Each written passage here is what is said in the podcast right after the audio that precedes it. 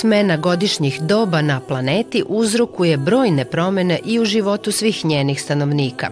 Tako kraj zime i početak novog godišnjeg doba proleća prati usklađivanje i biljaka i životinja sa tom velikom promenom. Jedino se čovek koji, i pored toga što važi za najinteligentnije biće na planeti, često pravi da te promene ne primećuje i zaboravlja koliki uticaj one imaju i na njegov život – Priroda se ne obazire na čovekovu oholost i u svom prirodnom ritmu menja životne okolnosti, baš kao što to čini ovih dana na severnom delu planete, prelazeći iz zime u proleće. Život počinje da se budi, a oni malo budniji među nama prate prirodne tokove i usklađuju se sa njima kako bi i sami cvetali i rasli. U emisiji Prirodnina podsjećamo se koliko je važno biti u bliskom kontaktu sa prirodom. Dobrodošli!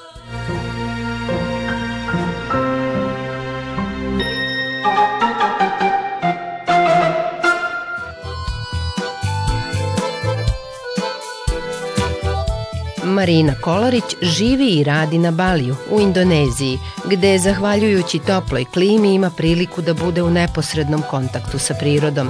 Za emisiju Prirodnina prenosi nam neke od utisaka iz okruženja u kojem živi, a neke od njenih navika mogu lako da se usvoje, bez obzira na to gde čovek živi. Svi mi živimo u kućama koje su poluotvorene. Neki ljudi čak žive u kućama koje su skoro kompletno otvorene. Naravno imamo nastrešnice, kao što možete vidjeti u mojoj kući ovde, ali smo uglavnom okruženi otvorenim prostorom i što doprinosi da ima, da ima vazduha, da ima nekog povetarca stalno, tako da mi provodimo u stvari dobar deo života ovde u prirodi i što je nešto što je u stvari najlepše vezano za Bali. A Bali takođe je, e, se meni dopao kao mesto za život zato što gde god pogledam postoje lepote. Da li je to u ljudima, u građevinama, u kulturi, u običajima, u prirodi koja nas okružuje ovde, u cveću, u mirisima, mirišljavih štapića, gde god da se okrenemo, lepota je prisutna. To je ono što me najviše privlači. Ono što je najinteresantnije, što ja doživljavam na Baliju, što nisam nigde drugde, to je da je priroda toliko direktna ovde, jer smo stalno o njoj, kao što sam već rekla, živimo u poluotvorenim prostorima, um, nemamo nekako momente u kojima razmišljamo kako da ne budem u prirodi. Ovde je priroda prilično glasna i prilično je onako neposredna i direktna tako da moram da se povučem negde. Ali najveći deo dana provodim u prirodi i na polju e, i najčešće bosa ili japankama, što je još jedna razlika od bilo kog drugog mesta u kojem sam živjela. Ja sam naučila pre nekoliko godina, um, kada sam studirala u Ajurvedu, kakva je prema Ajurvedi povezanost između prirode i čoveka. I priroda se smatra nečim što Ajurveda zove makrosistem, a čovek nečim što je mikrosistem, što u stvari samo govori da smo mi produžetak, produže, da, je, da je priroda produžetak nas, da je priroda mi u velikom. E, ne samo zbog toga što je i priroda kao i mi, naše telo izgrađeno od, od pet elemenata, zemlja, voda, vatra, vazduh i prostor, odnosno etar, ali i zbog toga što sve promene koje možete da vidite u prirodi u stvari pokazuju na promene koje se konstantno dešavaju u nama i u našem telu. I ono što je meni izuzetno interesantno, ne samo da priroda ima užasno velik uticaj u poboljšanju našeg raspoloženja, u umirenju nervnog sistema, da je zdravo biti napolju, u kontaktu sa životom radije nego sa um, stvarima koje nisu žive, um, nego i zbog toga što toliko puno možemo naučiti iz prirode. Ja mislim, jedna od stvari koja je mene najviše uh, oduševila u toj vezi između priroda i čoveka je koliko nas priroda uči da se sve menja i da je, da je sve nepermanentno, odnosno da se menja konstantno. Jer ako pogledate u prirodi, imate godišnja doba, promene u lišću, travi, drveću, imate mesečeve mene koje zatim utiču na, oke, na okean, pa imate plimu i oseku, nekada veće talase, nekada manje talase, imate kišu, imate oblake, imate sunce. Znači, konstantne promene koje se dešavaju u prirodi, naravno i u životinskom svetu, su u stvari prirode promene koje se dešavaju i u nama, samo što nekada nisu toliko očigledne.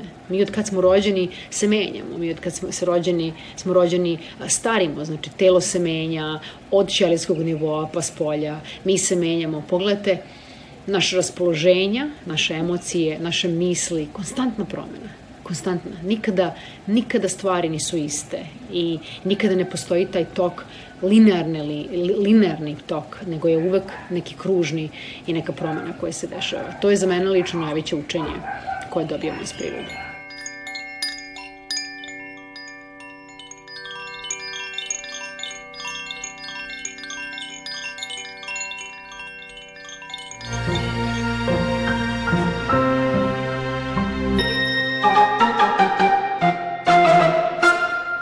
Ja sam po profesiji terapeut, um, savetnik, kao i učitelj meditacije i mindfulnessa. I, nažalost, trenutno moj rad se svodi najviše na, na online medijum. Ali i, i pored toga sam prilično zahvalna za to što radim, zato što ne vidim da je bilo šta drugo na svetu uh, za mene. Ne vidim da je moja svrha uh, života, odnosno bivanja sada i ovde neka druga.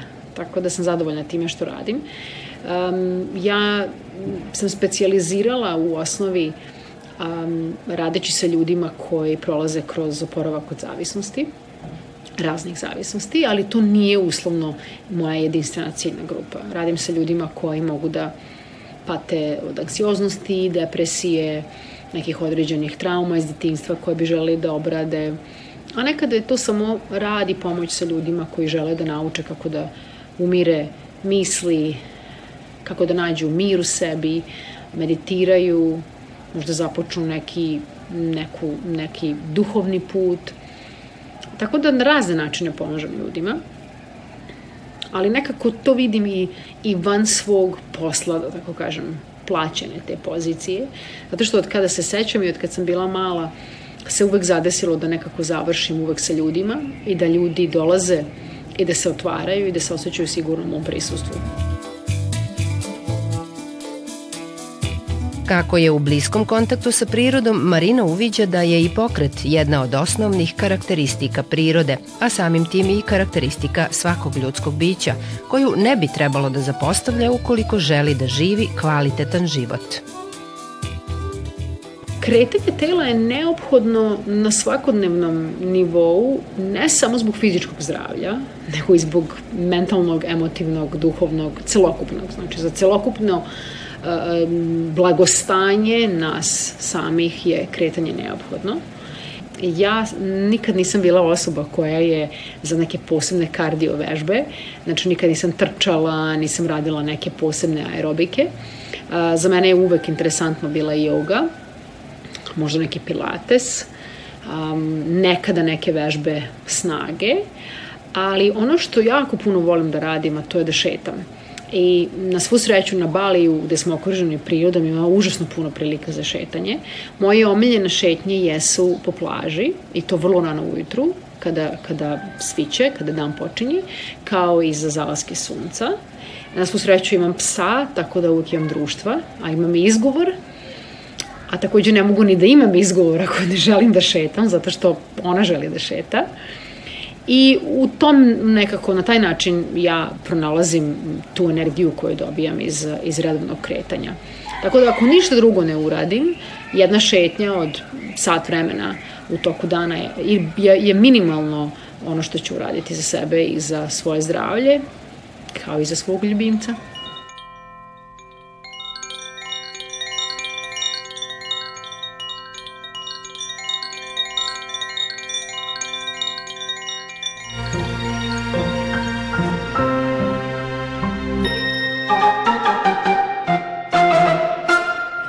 Za danas bih htjela da podelim sa vama jednu vrlo jednostavnu vežbu koja pomaže generalnom blagostanju. To je nešto što se na zapadu zove earthing. Earth kao zemlja, earthing. Ne znam tačan naziv kako je prevedeno na srpski, ali bi, na primer, moglo da se kaže uzemljenje. I, I ta vežba nije ništa drugo nego hodati bosi napolju.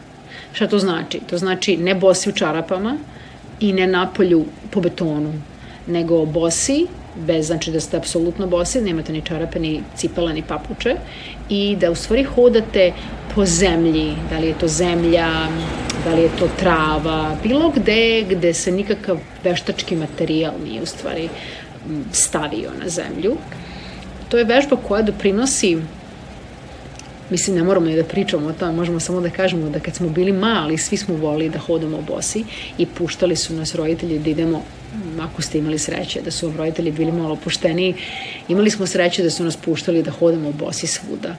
To se sve manje i manje vidi, ja čak vidim ljude koji odaju na plažu ovde pa hodaju japankama ili patikama, dok je plaža idealno mesto, znači da se hoda po pesku i da hodate bosi. Tako da kad god možete, znam da većina vas živi u gradovima gde je to teško, ali kad god možete, kad nije hladno, kada uslovi vremenski dopuštaju, izađite napolje, iako je to čak i komšijski, komšijski e, park, neki park u komšiluku, izvojte cipele ili skinite papuče i hodajte ili bar kad sedite držite noge na, ovaj, na travi ili na zemlji i upijajte tu energiju koju zemlja daje.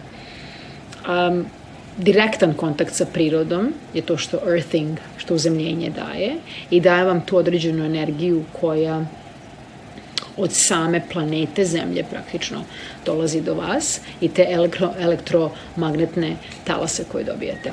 Ako želite više da saznate o tome, upišite samo u Google Earthing i saznaćete mnogo više, ima čak i knjiga koja se bavi više tim naučnim backgroundom svega toga, ali je vrlo dobar savet, barem 15 minuta dnevno. Tako da čim se vreme popravi, a vi napolje i uzemljite se.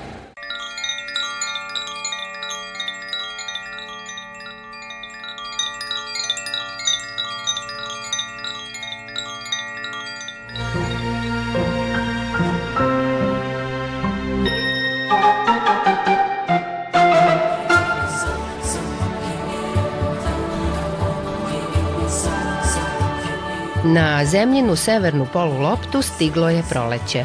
Za mnoge ono je najlepše godišnje doba, a u Japanu, gde žive najdugovečniji ljudi, postoji običaj da se u tišini posmatraju procvetale krošnje drveća, jer se tako prihvata promena kao neminovnost, a lepota cveta, koji se osuši za kratko vreme, podsjeća na to da je sve prolazno i da je lepota života u velikoj meri upravo u prolaznosti. Ovoga proleća pronađite vremena da posmatrate cvetanje prirode i na taj način probudite lepotu sobstvene ljudske prirode. Hodajte bosi, posmatrajte i poštujte prirodu oko sebe, zahvalno uživajući u svemu što ona daje i čemu vas uči. To je jedna od najvažnijih stvari koju možete da učinite za sebe, a i za planetu. To je mnogo vrednije i korisnije nego da trošite energiju na osuđivanje, kritikovanje i negodovanje. Učinite nešto za lično cvetanje, tako će i na planeti zavladati blagostanje.